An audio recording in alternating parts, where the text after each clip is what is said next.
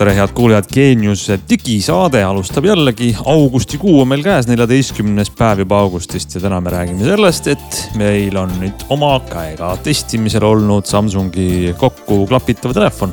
järgmiseks räägime sellest, et Hot-E ajastu on läbi saanud ja LG kõige vingemast Oled telekast, võib-olla jagame natuke laiemalt ka eh, Oled muljeid. selline saade meil täna tuleb no nii, hakkame saadet äh, võib-olla väikese majapidamisliku teadaandega, võiks nii öelda, et äh, kui teil on ikkagi meile jagada rõõmukirju, küsimusi, tagasisidet, uudiseid, võib-olla isegi kaebusi, siis me lubame, et võtame kõik need vastu. Ja kui varem see meiliaadress oli juba natukene segane, siis nüüd ütlen uuesti välja digisaade at geenius.ee peaks toimima ja teie kirjad meieni tooma. paremad kirjad ka loeme eetris ette aga mm, lähme siis võib-olla esimese teema juurde kohe ja selleks on nüüd äh, hiljuti Samsungi poolt välja toodud volditavatest telefonidest üks, mida Meelis, sa oled ise kokku lahti käänutanud ja väänutanud. Äh, kumbas see on, kas see on fold või flip? see on flip, äh, pakuti mulle ka fold'i, aga kuna ma, mul just ei ole aega seda fold'i voltida, siis ma andsin, jätsin selle kolleegile ja mu hea kolleeg Terko teeb sellest ise ülevaate ja. ja mina saan siis kasutada Flippi ja pärast kirjutada sellest äh, artikli ja ühtlasi ka rääkida siin saates, mida ma sellest telefonist arvan. no Flip on siis äh, puudrikarp või siis austrikarp või siis äh, lahti käiv karbikene ähm.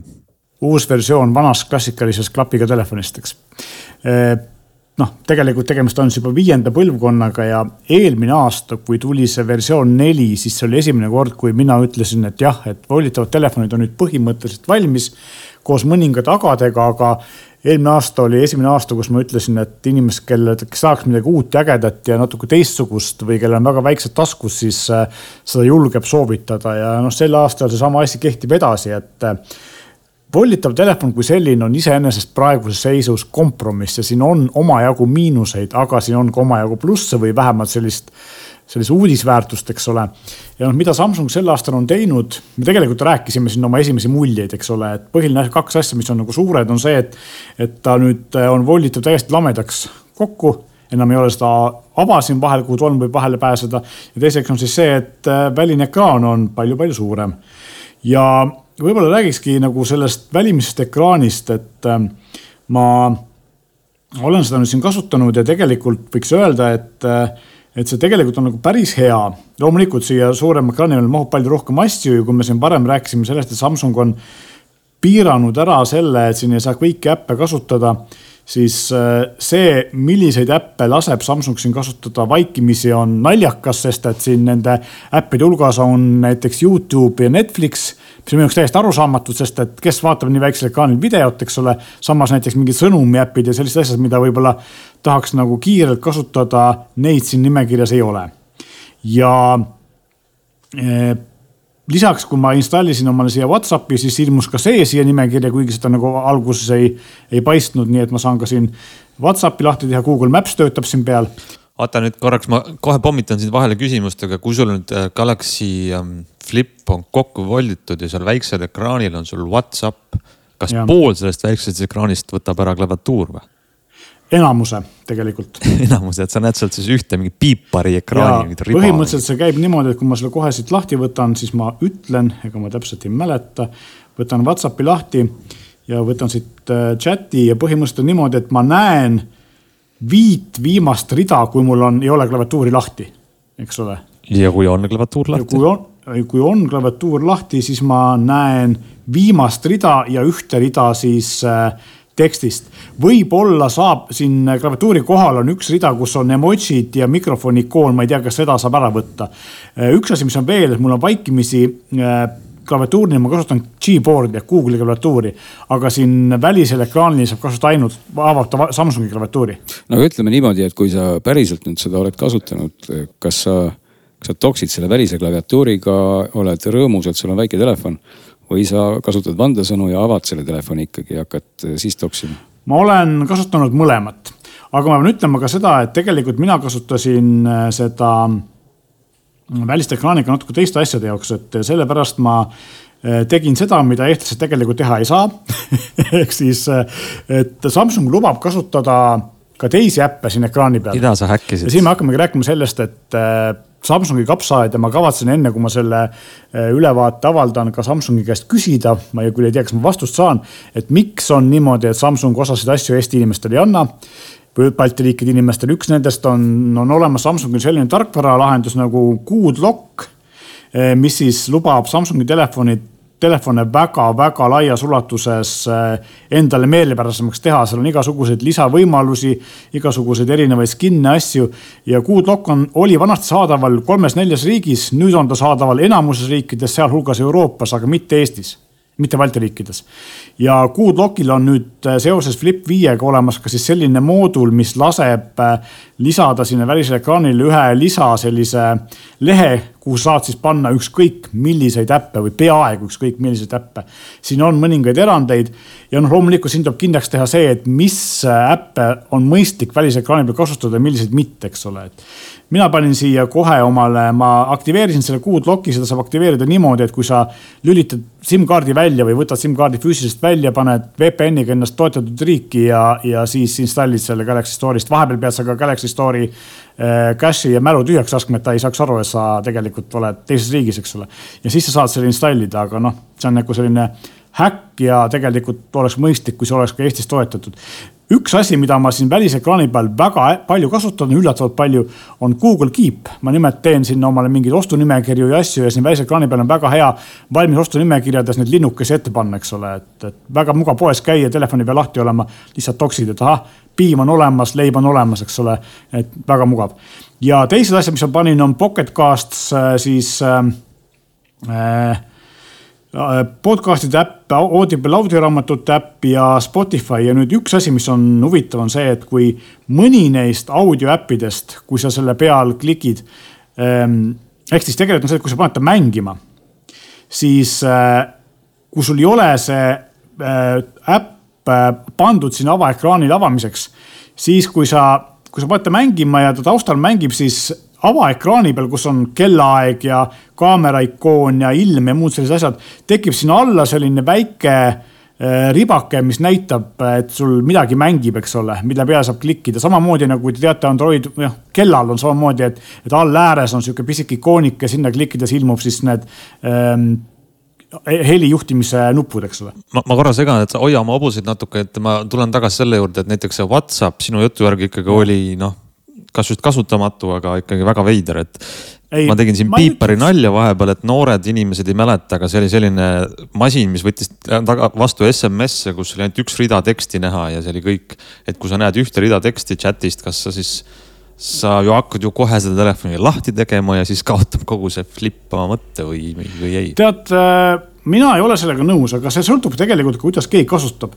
siin on näiteks see, et kui äh, ma ei tea, teie minu käest küsite, et äh, kas teeme kell viis saadet, siis ma näen seda küsimust, kas teeme kell viis saadet ja saan vastata jah, teeme. eks mul ongi vaja seda viimast rida, mul tegelikult enamasti ei ole vaja pikemat vestluse sisu ja reeglina see niimoodi töötab, mõnikord mitte, aga ma saan siin ju, ma saan selle klaviatuuri ära peita, ma saan seda lugeda ja siis vastata, eks ole.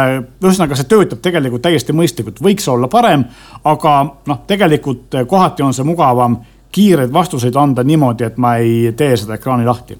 no ma küsin siia korraks ka veel vahele ennem kui sa edasi saad rääkida, et kas seesama Good Lock või mis iganes nüüd selle Samsungi asja nimi oli, millest sa juba rääkisid, kas see võimaldab kasutada kõiki äppe välisel ekraanil? no ma arvan et, et üheksakümmend seitse protsenti ehk siis, aga on lihtsalt on see, et kõik äpid ei tööta selle välisel ekraanil hästi ja, ja selles mõttes noh, näha, et see ei ole nagu sellise laia ekraani jaoks äh, mõeldud aga mõned asjad töötavad üsna hästi, Google Keep töötab väga hästi, Google Home töötab üsna hästi ähm,.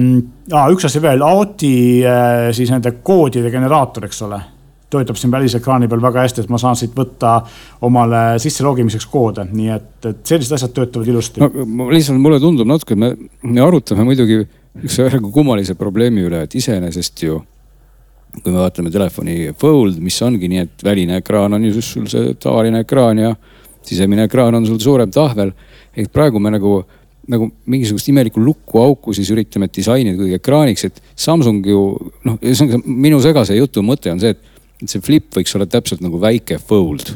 selles mõttes, et see väline ekraan on siis väline ekraan, kus peal on sul täpselt samasugune väikene telefonikene, nagu oli esimene iPhone, kuhu mahtus ka kõik väga hästi ära ja siis seal sees on siis see suurem ekraan ja see on su oma asi, siis kas sa mahutad sinna Whatsappi teksti ühe rea või, või, või kaks rida või klaviatuuri, et, et, et, mul on nagu tunne, kuidagi Samsung on kas siis teadlikult või mitte ajanud selle asja nagu õudselt keeruliseks, et pigem võiks pakkuda ju tuge siis nii palju, et, et ta oskab skaleerida neid äppe nii halvasti, hästi kui ta oskab, nagu seesama Goodlocki nimeline, mis iganes vidin, et, et see kõik nagu tundub selline, et me, me nagu mingit lihtsat probleemi lahendame mingisuguse labidate ja kühvlitega selle asemel, et hoopis minna ringiga kuskilt. see ei ole võib-olla päris äh, niimoodi sellepärast, et, et ma Samsungi siin otseselt ei süüdistaks, Samsung lihtsalt ei ole teinud siin nagu selles mõttes mitte midagi, eks ole, jah. Google Maps võib-olla on natuke paremini optimeeritud ja võib-olla nende enda sõnumiäpid ka.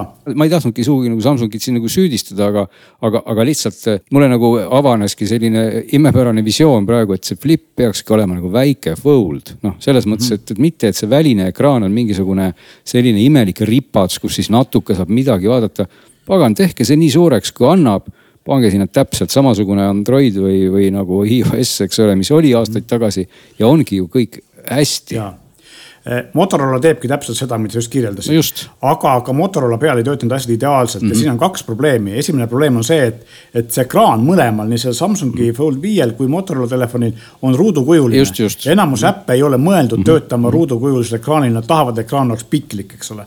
ja see on see probleem, et, et siia kõik elemendid ära ei mahu. teine asi on see, et kui ma võtangi sedasama Whatsappi lahti, sa ütled, et mahutage ära siia kaks rida. kui ma mahutaks siia ära klaviatuuri kohale kaks rida, siis tekst oleks juba, ta on praegu üsna peenike mm. -hmm ta oleks nii väike, et ma ei näeks seda enam lugeda. Et see on nagu teine probleem, siis ma peaks tegema teksti suuremaks, ta ei mahuks jällegi ära, eks ole. Mm -hmm.. ehk siis see on kaks asja, see ekraan on üsna väike ja see ekraan on ruudukujuline, aga muidu põhimõtteliselt ma olen nõus, et tegelikult ju Sony Ericsson tegi kunagi kahe koma kaheksa tollised ekraaniga Androide, mida me ka kasutasime. oli küll jah. aga kuhu ma tahtsin jõuda, oli see, et kaks asja, esiteks ma lõpetan oma pooliku mõtte ära, oli see, et kui ma siis lisan välisele ekraanile muusikaäpid ja siis ma klikin siin selle teavituse peal, mis mulle näitab, et ah, mul muusika nüüd mängib, siis kui mul muusikaäpp ei ole sinna välisekraani peale pandud, siis ta avab mul tavalise widget'i, eks ole, mis töötab väga hästi, suur widget, näitab mulle taustapilti, näitab mulle kõiki neid juhtnuppe. aga kui ma nüüd olen pannud välisekraani peale selle äh, äpi, siis ta avab mul terve selle äpi nii palju, kui ta edasi sinna ruudukujuse ekraani peale ära mahub ehk näiteks Pocket Castis või Audible'is või Spotify's. ehk siis ta ei ava mul seda juhtnuppe, vaid ta avab siis selle vaate mm, -hmm. kus on kõik mu artistid ja playlist'id mm, -hmm. aga lihtsalt kokku surutud versioonis või sellises ruudukujulises versioonis, mida ma saan scroll ida. ja kui ma tahan nüüd sel juhul esiekraani peale pandud äh, äpis avada juhtnuppe, siis ma ei tohi mitte vajutada, klikkida sinna selle väikse meeldetuletuse peale, vaid ma lihtsalt liigutama sõrmega paremale, kuhu siis ilmub vaikimisalati see widget, juhul kui mul muusika mängib, siis selle aktiivse muusika mängimine. ja teine asi on see, et allapoole liiguta-, tõmmata või vasakule tõmmates eh, tek-, eh, näen ma oma teadaandeid samamoodi nagu Samsungi kelladel, eks ole, et kui ma tõmban sõrmega vasakult paremale, siis tekivad mulle sinna märguanded. ja ülevalt alla on siis eh, need kiirvalikud, aga kiirvalikutega on ka see, et seal näidatakse ainult kahte esimest rida eks mul on siin Bluetooth, wifi, äh, taskulamp ja mõned muud sellised asjad. aga Samsungil tegelikult neid kiirvalikuid on ju mitu lehekülge, eks ole, kõiki ta millegipärast siin ei näita. ja siis lisaks on siin ka see heli, helitugevuse või ekraani ereduse regulaator peal. iseenesest üldiselt ikkagi see ekraan on palju kasutajasõbralikum, kui ta oli vanal telefonil, isegi siis, kui ta on nii piiratud äh, ilmateade on väga hea, väga detailne, kalender on siin väga hea, näitab mulle kõiki mu kohtumise asju, äh, äratused, taimerid, kõik asjad on nagu väga hästi pandavad. siin on veel, osad asjad ma olen välja lülitanud, SmartThingsi äh, seadmete juhtimised ja muud asjad. ja lisaks on ka see, et need ähm, lukuekraanid või siis see ekraan, mis ma näen, kui ma power nuppu vajutan, siis sellel on, seal on hästi palju infot, ma saan valida erinevaid, ma saan siin suure kella panna, kui ma tahan. aga praegu mul on korraga siin kell, ilm, kuupäev, väiksed teavituse asjad, aku, see palju akut järgi on ja lisaks suur kaamera otsetee. nii et selles mõttes on see töötab see hästi, loomulikult noh, kaamerat nii suure ekraani peal selfit teha on väga mugav. ma küsiks kohe veel siia sellise põhimõttelise küsimuse, et kas see nüüd siis nagu tundub, et see telefon on nüüd läinud oluliselt paremaks siis kasutamismustri mõttes, kui siis eelmine flip või ühesõnaga ma sihin oma küsimusega sinna, et kas kas, kas see, kas see suurem ekraan ja kas see võiks tuua nüüd uusi kasutajaid, kes seni pole seda ostnud omale mingil ükskõik mis põhjusel. kas nad nüüd tahaksid seda osta ja, ja kas sulle tundub, et see on väga kihvt lahendus ikkagi, et sul on selline kokkuvolditav telefon taskus. ja ennem kui sa sellele küsimusele vastad, ma lihtsalt ütlen eelmise telefoni baasil, et, et mulle tundus endiselt, et sellise paksuse puhul ma kasutasin seda eelmist Flipi paar nädalat ja siis ma enam rohkem ei tahtnud, sellepärast et äh, mulle tundus hästi tüütu seda kogu aeg avada, sest selle avamine ühe käega oli keerukas. ja, ja pigem oli ta paks, ta ei mahtunud hästi sellisesse taskusse, mis mahutab õhukesi asju. ja kui ma võtsin oma vana hea mittevolditava labida, siis ma tundsin kuidagi hästi suurt vabadust, et ma ei pea sellega nikerdama, ta ei lenda mul avamise käigus käest ära. nii et, äh, nii et noh, kas, kas sulle praegu tundub, et see kõik, millest me räägime, kas see võiks siis meelitada nüüd uusi kasutajaid ostma seda telefoni? ühe minuti küsimus, nüüd ühe minuti vastus, Meelis. Äh, ühe minuti vastust ma ei saa anda, ütleme nii, et jah, tegemist on endiselt nišitelefoniga, ei, mitte midagi ei ole selles mõttes muutunud. suurem ekraan annab natukene parema kasutusmugavuse äh, ja see õhem ehk kokkuvolditav on täpselt paremini kokkuvolditav lahendus, äh, paneb, teeb taskus vähe õhemaks. aga võib-olla enne, kui ma selle jutu lõpetan, räägiks ka negatiivsetest omadustest võib-olla, et, et lihtsalt inimesed teaksid, mille, mida, et noh, ma ütlen, et mulle see telefon meeldib. Äh, ma omale tõenäoliselt ostaks ikkagi ka tavalist telefoni, sellepärast et see on nagu more bang for buck, ma saan sama raha eest kõvasti paremat kaamerat, ma saan poole odavama hinna eest sama hea sisuga telefoni, eks ole. aga mis siin on nagu probleemidest on esiteks see, et kaamerad ei ole kolm põlvkonda paremaks muutunud, sensorid on täpselt samad, natuke on tehtud tarkvaratrikke, aga, tegelikult saab sa alla tuhande euro märgatavalt parema eh, kaamera kui siin see tuhande eurose, tuhande kolmesaja eurone või tuhat kakssada üheksa on soovituslik jaehind sellel, eks ole. tuhande kahesaja eurosel kaamera, telefonil, et kaamerad on jätkuvalt endiselt tagasihoidlikud. teiseks on see, et jõudluse probleemid on, kuna ta on nii õhuke, siis äh, ta läheb väga-väga kiiresti kuumaks, kui ma midagi vähegi jõudlust äh, nõudvat proovin teha. mis tähendab seda, et ma ise ei ole proovinud selle peal mängida, aga noh, ma julgeks väita, et mängida selle peal praktiliselt ei kannata. kui ta juba niisama läheb üsna kuumaks. aku on samuti pisike, aku on kolm tuhat seitsesada milliamprit nagu vanadel. protsessor on natukene ökonoomsem, samas väline ekraan on suurem, ilmselt annab see nulli välja, mis tähendab seda, et akuga saab hakkama, enamus kasutajad saavad hakkama päeva rohkem pole lootustki, et kui teised telefonid kestavad siin poolteist, kaks, no siin ei saa, pole, pole nagu mõtetki. Äh, laadimine jätkuvalt kakskümmend viis vatti, mis on suhteliselt aeglane. samas on tal olemas juhtmevaba laadimine, kuna on sihuke hea pisike, siis ta on tegelikult väga mugav panna juhtmevaba laadija peale. et ma ise mõtlen, et Samsung võib-olla võiks ohverdada selle juhtmevaba laadimise ja teha siis aku suuremaks, eks ole, selle arvelt, et see on ainuke asi, mida ma saan.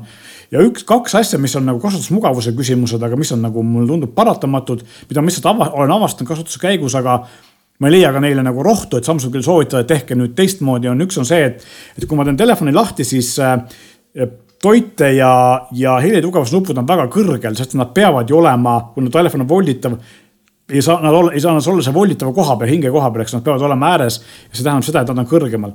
teiseks on see, et millegipärast see ähm, sõrmejälje lugeja, mis on siis telefoni külje peal ja kitsas päris tihti ütleb mulle, et mu sõrmejälgi ei tuntud ära, ma ei ole proovinud teda uuesti õpetada, aga teistel sellistel kitsastel sõrmelugejatel ma ei mäleta, et ma oleks seda probleemi kohanud ka kaasa arvatud Samsungi eelmisel mudelil Philipil, Philip neljal. aga siin võib olla see, et ma mhm. lihtsalt olen ta kehvasti õpetanud ja peaks seda võib-olla uuesti tegema. kas me aasta pärast räägime Flip kuuest? ma arvan, et me räägime juhul, tähendab, me räägime sellest igal juhul. küsimus selles, kas me räägime sellest positiivses või negatiivses. aga, aga ikkagi ma saan sinu optimismist aru, et Flip kuus ikkagi tuleb ma päris kindel, et Samsung ei lõpeta seda, kuna just täna saatis Samsung välja pressiteate, et Flip viit on ostetud kuuskümmend kuus protsenti rohkem esimese kahe nädala jooksul kui Flip nelja. järelikult nad on noh e ise edukad. oh, need protsendinumbrid. just, aga eelmine aasta oli see, et Euroopas ei olnud Samsungile konkurenti. sel aastal on Samsungil olemas no, väga hea just, ja just. sama hinna konkurent, mis on Motorola e e Razer nelikümmend, eks ole, aga ja üks asi, mida ma veel tahtsin öelda, lisaks siis sellele helitugevuse ja, ja toitenupule on see, et kuna NFC kiip on tagumise külje sees, siis kui telefon on lahti, kui telefon kinni, siis töötab väga hästi, ma panen ta vastu tagumise küljega, väga hea. kui telefon on lahti, siis mina olen harjunud, ma panen telefoni mm -hmm. makseterminali vastu ülemise otsaga, sest tavaliselt NFC on seal. sellel on all, nii et päris tihti ta ütleb mulle, kuulge, su makse ei õnnestunud, eks ole. sest ma lihtsalt ei oska seda, aga see on, kõik on nagu harjumise asi, need ei ole nagu tehnilised vead, vaid need on voolitava telefoni kasutusharjumuste muutumine, nagu Steve Jobs kunagi ütles, et ta kasutab iPhone'i valesti, eks ole, hoiate valesti käes ja siin samamoodi, hoia seda telefoni valesti käes. nii et ütleme siis nii, et kui sa seni ei ole tahtnud osta omale Flip nelja, siis ilmselgelt ei taha sa ka osta Flip viite ja seda Just. me saame teada aasta pärast, kas sa tahaksid osta Flip kuute või seda enam ei olegi no väga hea äh, kokkuvõte. Flip viis on äge, äge uuenduslik telefon nendele, kes tahavad elada sellise terava serva peal ja, ja kel, ke, kellele sobivad need kompromissid, mida me just ette lugesime.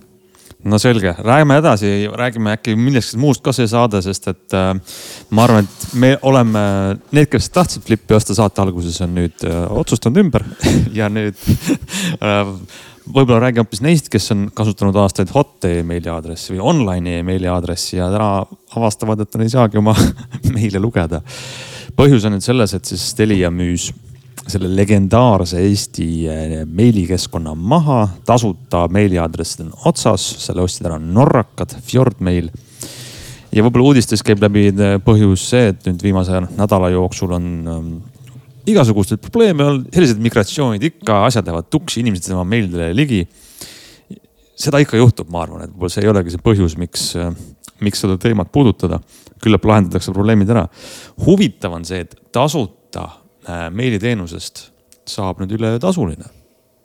et ähm, ma ei tea, ma küsiks, teeks kiire küsitluse, et kuidas siis teie nagu näiteks siin head saatekaaslased suhtute, et kas te maksaks viis eurot hot.ee meiliaadressi? no ilmselgelt, noh ilmselgelt ei, ei maksaks, sest et teadupärast me oleme ju harjunud siin tänases maailmas saama paljusid asju vähemalt näiliselt tasuta. aga, aga nagu hot.ee ja need aadressid muidugi nendes on selline heas mõttes sihuke dinosauruse hõng, et, et kui ma kunagi, kui ma kuulsin veel tänapäeval, et keegi ütleb mulle oma meiliaadressi ja see on hot.ee, siis ma tavaliselt alati küsin, et kas see on veel olemas, et, et kas see töötab ja, ja nagu näha, ilmselt see siis ikkagi kellelgi töötab ja, ja võib-olla selle nimel juba tasuks maksta seda viis eurot kuus, et, et see on ikkagi kuidagi nagu, see, see seostub sellise iseseisva Eestiga kuidagi see aadress natukene kuule, just tänapäeval inimesed maksavad kallist raha, et osta endale üheksakümnendate aastate BMW, mis on sihuke värske Eesti just, vaba riigi hõng. natukene seesama asi, et, et kui sa jah tahad sellist äh, eristuda võib-olla varsti sellise aadressiga, siis tasub seda maksta, aga ma küll ühtki muud põhjust ei näe, kas sa Meelis maksaksid või? Viis eurot. ei maksaks ja mul on tegelikult hot.ee aadress ja ta on mul ka aastaid olnud unustuste hõlmas, et äh, kunagi, kunagi aastaid tagasi ma suunasin, äh, Gmail pakub teatavasti sellist äh, teenust, et saad oma POP3 aadressi sinna sisse panna, tõmmata kõik meilid ära ja seda ma ka tegin ja peale seda ma pole sinna hot.ee nagu keskkonda sisse loginud ja ka saatnud ühtegi kirja sinna selle hot.ee lõpulise meiliaadressi pealt. aga küll on kummaline jah see, et noh, üks, üks asi on see, et tobe ongi loota, et mingi asi töötaks tasuta igavesti. aga teiseks on minu arust ikkagi see, et see Telia poolne mahamüümine oli nagu ebaõnnestunult tehtud, sest et nad või oleksid võinud ikkagi teha mingisuguse lepingu niimoodi, et see põhiteenus jääks tasuta ja siis äh, Fjordmail saaks müüa sinna lisa, lisaserveri ruumi või mingeid lisateenuseid ja pakkuda siis tasuliste teenuste vahele reklaami, eks ole, et, et mingisugune nagu põhitasuta lahendus oleks võinud alles jääda. kas see mõistlik on, ma ei tea, aga mulle tundub, et nüüd, kui see tasuliseks läheb no., siis ka see Fjordmail teenusepakkuja ise näeb, kui kiiresti hakkavad need inimesed sealt ära kaduma, nii et. ei no ega siin seda, seda juttu me oleme siin rääkinud ka eelnevates saadetes ju korduvalt, et ega üleüldse see olukord, kus me oleme andnud kõik oma aadressid ja, ja, ja muud asjad tegelikult suurkorporatsiooni kätte, me võtamegi seda nagu, et see on nagu kivist, et see ongi olemas alati, et mingisugusel ükskõik mis hetkel, eks ole, võib äh, öelda Google, et, et head aega, et teeme midagi muud ja, ja põhimõtteliselt kogu noh, väga paljud inimesed nagu sõltuvadki tegelikult nendest asjadest, et see ongi see koht, kus iseenesest võikski võib-olla siis tõesti kas Eesti riik ulatada mingi käe, olgugi et keegi ei kasuta seda .ee aadressi, et. et noh, me, me tegelikult olemegi, olemegi sellise rihma otsas, kus siis teisel pool ongi korporatsioonid, kes siis võtavad meilt raha, kas siis otse või, või reklaamidega või kuidas iganes. ja me oleme rõõmsalt nõus. ja, ja aga tead, see on tegelikult värskendav, selline vahelduseks värskendav suhtumine, et see Fjordmail ütleb välja, et miks ja. me küsime raha, sest et see teenus maksab ja me ei loe su kirju ja ei müü sulle reklaame, sest et kõik, kes Gmaili kasutavad, ma arvan, et väga vähesed neist teadvustavad, et Google loeb meie kirju ja müüb selle pealt reklaami, onju. see nagu vahelduseks on nagu selline tore otsekohesus. aga muidugi on nagu ikkagi äriliselt väga-väga kaheldav, et nad suudavad lihtsalt selli, sellise otsekohesusega, et kuulge, meil on vaja raha serverite jaoks, saada inimestelt viis eurot kätte. kui esiteks konkurendiks on Google, kes pakub sama asja tasuta ja inimesed on nõus oma kirju näitama. ja teiseks, kui nüüd mõelda, et noh, et äh, turul on tasulisi meiliteenuseid kõige kuulsam, ma ütleks, on ProtonMail, Šveitsi teenus, äh, millel isegi on ka tasuta pakett ja siis kolme või nelja eurone pakett mille kogu selle nagu euro, iga euro eest sa ostad sellist Šveitsi turvalisust, äh, Šveitsi privaatsust mm, -hmm. Šveitsi nagu andmekaitset. igavesti turvaline, keegi ei saa su andmetele ligi. Protonmailil ongi, neil on unikaalne müügiargument, eks ole mida see Fjordmailil võib-olla äkki ei ole. ja, ja noh, muidugi teine asi, mida ka ei saa ju unustada, ongi see, et meil on enamasti taskus kõigil Android telefon ja nendel teistel on iOS. ja mõlema jaoks on ju sul vaja siis meiliaadressi Androidide puhul on see igal juhul Gmaili aadress. et eh, noh, lihtsalt nii paljud inimesed saavad ju selle Gmaili aadressi igal juhul ja, ja ega, ega noh, ma, ma võit, ütleks ka nagu oma kogemusest, et, et olid ju ajad, kui ma kasutasin oma ettevõtte meiliaadressi ja kõiki igasuguseid muid aadressi. aga mingil ajal ma lihtsalt, kuna ma hakkasin kasutama Gmaili tänu Androididele, siis ma hakkasin neid suunama lõpuks Gmaili peale ja nüüd ma, noh, ma olengi nii palju laisk, et kõik need erinevad aadressid, mis mul on, tegelikult suunduvad otse Gmaili ja pigem ma annangi inimestele juba selle Gmaili aadressi, et, et see liiklus otsem jõuaks sinna. nii et noh, see ongi nagu see koht, kus sellistel kolmandatel teenusepakkujatel on väga-väga raske konkureerida sellise suure suure asjaga, mille nimi on siis iPhone, Apple või, või Google või, või noh, et ja. sa lihtsalt jah, see, see on, see on keeruline, inimesel peab olema mingi väga suur motivatsioon, et tahta siis sinna kõrvale veel midagi. tõsi see on, aga siin võib-olla üks sihuke kerge nõuande moodi äh, väide vahele, et et isegi kui te olete kasutanud seda hot'i pikalt, et soovite seda tasulisena edasi kasutada või Gmaili või mida iganes, alati on mõistlik hoida varuks mingi varuvariant mm ja, ja võib-olla teha ka tegelikult Gmail ja Microsofti eh, Hotmail mõlemad ju tegelikult soovitavad või nõuavad, et sa paneksid omale ka siis nii-öelda tagavara meiliaadressi nagu, kuhu saaks vajaduse korral ligi, eks ole. et, et tegelikult on ja kõige markantsem näide, mida ma olen ka võib-olla mõni aasta tagasi siin saates äh, rääkinud, on see, et mida kunagi teha ei tohiks, on see, et mul oli üks tuttav, kes töötas paarkümmend aastat ühes samas ettevõttes ja tal ei olnud mitte ühtegi isiklikku asja, et tal oli firma meiliaadress, tal oli firma telefoninumber, tal oli firma auto. ta polnud kunagi oma raha eest kütust ostnud ega, ega maksnud äh, kindlustust ja siis, kui ühel hetkel ära koondati, siis ta ei osanud mitte midagi teha, kuna kogu ta ela, eraelu oli tegelikult ta tööelu, eks ole, ja, ja seda viga ei tohiks teha, et alati hoidke endale mingisugused mõistlikud varuvariandid äh, alles, eks. nojah, siin ongi siis see koht, kus tõesti võib-olla inimesel, kellel ei ole sellist äh, töist aadressi otseselt, et tõesti võtke siis ka mõne erineva, olgu seesama nüüd uus hot.ee, kui, kui see maksab küll raha, aga võib-olla mõni teine, mis ei maksa, täpselt nagu Hotmail Microsofti poolt, eks ole, Yahoo aadressid on vist täitsa olemas, Gmailid. Et lihtsalt võib teha kusagile omale aadressid, mis oleks siis jah varuks. Ja, ja seda muidugi nõuavad ka ju enamik teenusepakkujaid. just, just. Ja aga mul on soovitus, et kes tahab maksta nüüd meiliteenuse eest, siis ProtonMail on üks variant võib-olla siis Fjordmail, ma ei tea, mis see väärtuspakkumine seal on. aga üks väga-väga suur, väga levinud teenusepakkuja, väga turvaline ja väga heade lisateenustega, kus sul on privaatsed meiliaadressid nagu isikliku domeeni saad teha, paned at omaenda perekonnanimi. ja selle teenusepakkuja nimi on iCloud pluss mm. See on siis Apple'i lisateenus, kus sa saad tegelikult väga-väga võimsa meiliaadressi. ma millegipärast esimese hooga arvasin, et see on Eesti mail ja Zone E, aga okei okay ka nemad pakuvad meiliteenust. no iCloud pluss on vähe veel robustsem, ma ütleks. kui sa täna ei maksa, saad sa omale siis selle ju me.com igal juhul, aga siis on sul võimalik seda isikupärastada väga hea, üks asi, mida ma siin ennem selle tööjutu juures tahtsin veel öelda, et üks asi, mida ma ka soovitan nii isikliku privaatsuse kui ka lihtsalt viisaka käitumise koha pealt on see, et ärge eh, tehke oma isiklikke tellimusi, kasutage isiklikeks vestluseks oma tööaadressi, see on mõeldud ikkagi töö tegemiseks ja tööandja on selle jaoks selle andnud, et. et isiklikud vestlused ikkagi isikliku konto pealt. nii on, kas me jõuame veel ühe teema läbi hekseldada täna oma kuulajatele ja selleks on LG telekas. Ma arvan, et jõuame. Kui sõltub muidugi meile sinust, kui sulle tundub, et see, see, see, see on mulle isiklikult põnev ja huvitav, et ma tahaks teada saada et LG Oledid on, on ju, on ju head ja ma saan aru, et sina oled nüüd vaadanud ühte Oledi, mis on, peaks LG-l olema mm, seeria tipp on nii? no peaaegu, tegelikult on seal vist kaksik V-seeria veel, aga see on nagu ebareaalselt kallis, aga jah, võime, võime rääkida sellest, mida mina mis, mis see seeria on siis, millest, mida sa oled vaadanud? mina olen vaadanud siis sellist äh, mudelit nagu G3 kuuekümne viie tollist ja see on nagu selline natukene omamoodi teler ähm,.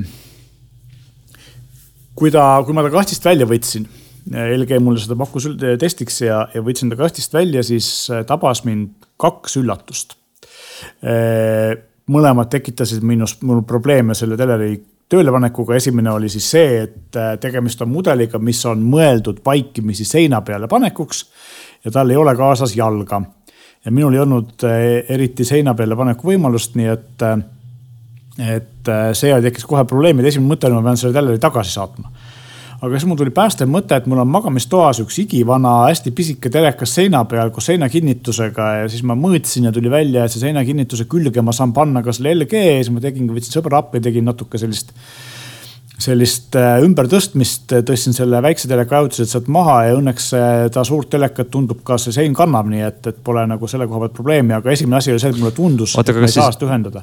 telekal ei olegi äh, nagu kaasas standardset mingit püstiseisvu jalga? esimene või ainus teler, mida mina olen näinud, millel ei ole kaasas jalga, tal on kaasas seinakinnitus ja tal on, ma saan aru, miks see nii on, see on sellepärast, et tal on seal kaasas selline imepisike, hästi õhuke seinakinnitus ja see kinnituse os, äh, koht, mis teleri külge läheb, on natuke süvistatud, ehk siis see teler läheb kinnitusega seina peale täiesti lamedalt vastu seina, mis on tegelikult hästi äge, eks ole. Ehm, teine asi on see, et ma ei ole ühelgi teleril varem näinud, ma ei tea, sinul on ka LG Oled, eh, seda, et eh, teleri pistik on siis see lai või nii-öelda nagu, nagu, nagu on, ma ei tea pliidil või kohvimasinal, aga mitte selline nagu on teleritel, teleritel on tavaliselt sihuke pisike kahvel, eks hästi õhuke, hästi kitsas. Aga, aga sellel on see suur ümmargune, mis läheb sellesse maandusega pistikupesasse. ja see tähendas seda, et mul oli veetud sinna seinakinnituse juurde pikendusjuhe, kus on ainult need peenikesed, nii et ma ei saanud seda ka ühendada sinna ette nähtud voolupistikusse, ma pidin ka seal vedama pikendusjuhtme koledalt mööda tuba niimoodi, eks ole, noh, mitte permanentselt, õnneks ma pean selle teleka tagasi andma varsti. ja, ja tegelikult nagu, kui need probleemid said lahendatud, siis noh pildist ei ole nagu, pildist ei ole nagu midagi vaadata, näida, rääkida, sest pilt on väga hea, et selles mõttes must on ideaalne. mida võib rääkida, on see, et mhm. võib rääkida pultide erinevusest, et kui mul kodus on elutoa põhiteleril on Samsung, millel on siis selline äge pult, millel on taga see päiksepaneel, millega ta ennast laeb ja muidu ta laeb USB-C-ga ja on sihuke pisike siis ähm, ja stiilne. LG-l on sihuke klassikaline vanakooli pult, kus on palju nuppe, mulle tegelikult nupud meeldivad, kuigi noh, viimasel ajal me enam nuppudega kanaleid ja keegi ei vaheta, eks ole, aga, aga nad on siiski alles.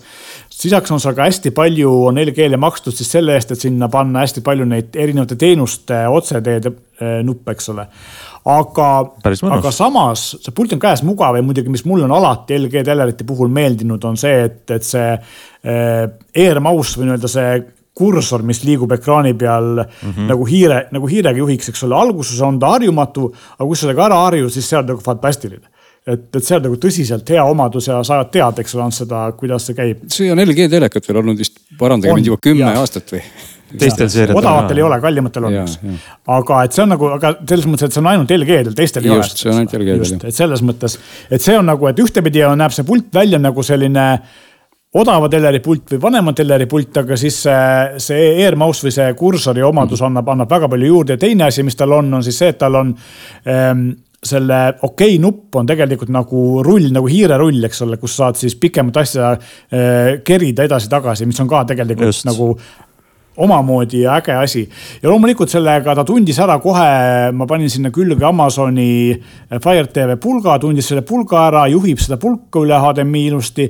natukene võtab aega, ma pean vajutama vahepeal mingit okei okay nuppu, et ta selle ära tunneks, tööle hakkaks, aga ta teeb seda väga ilusti, et kõik muud asjad töötavad.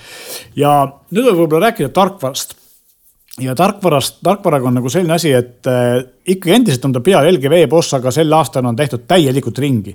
et kui vanasti oli tal sihuke all sihuke viltuste lõigetega riba, kus olid äpid, eks ole, siis nüüd on tehtud see äppide valik on sarnaseks tehtud võib-olla äh, Fire TV-ga või, või äh, Google TV-ga sellisteks ruudukuju või ristkülgkujulisteks. hästi palju on lisatud igasuguseid nutikodu lahendusi, et ta toetab Mäteriga seadmeid, mul kodus ei ole ühtegi Mäteriga seadmet, ma ei saanud seda proovida, aga iseenesest sa saad ühendada erinevad äh, nutikoduseadmed, ka LG. muidugi siis tuli ka välja see, et mul oli LG konto LG konto oli ühendatud ja mul on LG pesumasin, tahtsin seda sinna ühendada, ühe masin, üks masin oli ühendatud ühe riigi kontoga, teine teise riigi kontoga, need omavahel kokku ei sobinud. ühesõnaga kogu see riikide teema on nagu, Samsungil on samamoodi probleem nagu LG-l ka. ja muidu üks asi on see, et tegelikult äh, igal sammul tuli nõustuda tohutus koguses erinevate litsentsilepingute ja, ja oma õiguste äramüümise ja muude asjadega, eks ole, et. et väga palju oli sellist peenikest teksti, mida ma ei lugenud, aga noh, rohkem kui ma olen mujal märganud. kas sa teleka puhul, kas sa kuulad seda heli, mis tuleb teleka kõlaritest või sa kasutad ja. soundbar'i? Äh, ei, mul ei ole soundbar'i, ma kasutan Nii. mõlemal teleril äh, või kõigil teleritel kasutan teleri kõlareid, ma olen küll mõelnud selle soundbar'i soetamise peale, aga siiamaani ei ole raatsinud. aga heli puhul peabki ütlema, et ta on äh, ta on loomulikult kõvasti kehvem kui soundbar'i heli, et ta on teleri heli, ta on õhukese teleri heli, aga ta on konkurentsitult parim õhukese telleri heli, mida ma seni kuulnud olen. et tal on nagu päriselt nagu bassi ka. Äh, ühel Philipsil oli ka midagi sarnast, aga ta loomulikult ei ole nii hea, kui on nendel telleritel, millel on soundbar integreeritud või sihuke suur kõlar koos subwooferitega on all, eks ole. Philipsil on kaheksanda seeria Oledil on selline. aga jah, et, et tõepoolest see heli, kuigi ei ole nii hea kui eraldi kõlaritega, siis äh, oli üllatavalt hea, aga kui me vaatame otsa teleri hinnale, siis no seal peabki heli olema, eks ole. oota, mis tal siis hind on? no vot siin ongi see, et kas ma seda telerit soovitan või mitte ja, ja ma praegusel juhul ütlen ei. tegemist on väga hea teler, aga te ei peaks seda ostma. ja miks on see nii, ainult, ainuke asi, miks te peaksite telerit ostma, on sel juhul, kui teil on vaja telerit, mis läheks väga tuugalt vastu seina, ehk mis oleks nagu lipuks nagu pilt seina peal, siis ta on nagu paigutada, noh, seinale paigutada väga hea. aga ta on ime natukene parem kui C3 seeria LG, ehk siis G3 seerial on ainuke põhiline vahe on see, et tal on lisaks sellele seinale paigutamisele on see, et tal on äh, kõlarid on natuke paremad, aga äh, on natukene rohkem eredust ja seda eredust on vahe tuleb välja siis, kui sa tahad selle panna kas sellisesse kohta, kus sul pidevalt paistab päiksevalgus peale. või B, kui sa vaatad tõesti kogu aeg väga intensiivse HDR sisuga sisu ja sa tahad kindlasti näha kõik iga väiksemat HDR-i detaili. sest muul juhul minul seal seina peale vaadates mina võtsin igal juhul eredust nagu kõvasti alla sel mudelil ja ma arvan, et sellest C3-st piisab täielikult, nii et, et tegelikult kuna ta on poolteist kuni kaks korda kallim C3 kuuekümne viiese saab kuskil kahe tuhande euroga, eks ole. Ja see G3 maksab ikkagi sinna kolme-nelja tuhande vahele, kuna ta on nii uus mudel ja ehtiliselt ta väga palju veel ei liigu, aga ametlik müügihind on neli tuhat eurot ja tegelikult ilmselt saab ta kuskil kolme poolega. ehk siis äh,. mulle tundub, et jah ja,, ma, ma arvan, et me peaks selle jutu nüüd just ära lõpetama, sest ega keegi seda telekat ei osta niikuinii. mis nüüd ikka jah. kui sa, kui sa tahad nagu kõige-kõigemat Oledi, millel oleks siis tõepoolest jah, need omadused, mida ma just ütlesin, et äh, väga heleda päiksevalguse käes äh, LCD-le konkurentsi pakuks, siis see on nagu hea telekas, aga Eh, poolteist no. korda odavam teler annab sulle üheksakümmend protsenti selle teleri omadustest, see on nagu LG puhul probleem. aga ma, ma kuulen sinu juttu ja ma mõtlen, et sa hindad neid speki, spetsifikatsioone väga objektiivselt, aga kui tegelikult selle kolm tuhande euro eest sa saad öö, siis sisekujunduselemendi, et sul on see vastu seina, siis ta konkureerib selle Samsungi The Frame'iga, mis on nagu rohkem, et see ei ole see, et mitu hertsi mitu, mis on reso, palju on sul nitte, vaid et kuidas ta välja näeb. just, aga nüüd ongi see, et, et kas siis võtta see või võtta frame. Frame on esiteks odavam. teiseks on see, et kui sa tahad seda kunsti vaadata, siis frame töötab sel, eelmise aasta, üle-eelmise aasta frame siis oli võib-olla võrreldav, aga siin oleks LG-l eelis, sest LG must on parem, eks ole. aga uuel frame'il kaks tuhat kakskümmend kaks aasta mudel siis jah, mis eelmine aasta IFA-l näed, vaatasin. sellel on Äh, mattpind, mis üllatavalt näeb, näeb välja päris lõuendile sarnane, ehk siis see, see pildi efekt, ta ei peegelda tagasi, eks ole ehk siis see pildi efekt on Samsungi Frame'il kõvasti parem kui ühelgi teisel telleril. LG telleritel on olemas ka see nii-öelda kunsti, äh, kunstikogu, eks ole, seal saad panna teda kunsti näitama, kui ta on mm -hmm. ooterežiimis. aga äh, jah, et, et selle koha pealt oleks Samsung võib-olla parem. aga jah aga, aga sa nagu sa vist mainisid, Samsungide Frame ei ole Oled ekraan, eks, et see on mingisugune kvant, kvanttäpp või mis iganes ja noh, siin ongi see, et kas sa tahad äh, võimalikult eredekraaniga telerit või sa tahad võimalikult ideaalset musta ja noh, nagu me teame, ideaalne must annab ka paremad värvid veidi. no ja samas on ka ikkagi ei tasu unustada, et Oled ekraan oma olemuselt ikkagi väga staatilist pilti väga pikalt ei, ei armasta kuvada puhtalt oma ehitusest tulenevalt, eks muidugi saab seal teha mingeid pikslitrikke. aga, aga kui sa ikkagi tahad tõesti maali seina peal telekast vaadata, siis ei ole vist Oled selleks parim valik ja muidugi elektrit kulub ka, nii et võib-olla ikkagi jääkarusid jääb rohkem ellu, kui seina peal on joonistatud pilt. tõepoolest las see teler olla jah, pikem välja lülitatud, aga mis disaini puudutab ja seda seina peal olemist, siis üks asi, mis mind äh, panigi imestama, oligi see, et kui ma teda hakkasin karbist välja võtma, siis noh, ma ikka käed värisesid, eks ole, suur, raske, kallis teler, väga õrn. sest et Oledid on tavaliselt väga õhukese raamiga. sel teleril on üllatavalt paks raam et äh, tavaliselt Oledid on siuksed, no ma ei tea, poolteist millimeetrit mõne koha pealt, eks ole. siis tema on nagu äh, ümberringi ikkagi sihukese päris, päris paksu raamiga. ja ma arvan, et see on taotluslik, eks ole, see ei ole tehtud nagu kogemata nii, vaid ilmselt see ongi mingi disaini äh, lahendus selline ja sellepärast oli seda ka, mulle tundus märgatavalt turvalisem tõsta kuni mõnda teist tualeedi. aga ta oli ka raskem tänu sellele. siin muidugi peaks veel lõpetuseks mainima, et LG on ka firma, kes ikkagi on juba mitu-mitu aastat näidanud ka sellist toredat rullitavat tele, telerit, mis tuleb sul siis toru seest välja ja rullib ennast ülesse ja võib-olla oleks see midagi, kui sul ikkagi raha on juba, juba rohkem kui mõni tuhat eurot, siis selline rullitav teler tunduks mulle kõige. rullitav teler on vist juba kümme tuhat eurot jah, ja kuskilt no, ilmselt läheb ka see piir, kust võib osta laserteleri või lihtsalt suure projektoori, kui sa tahad nagu väga-väga suurt ekraani.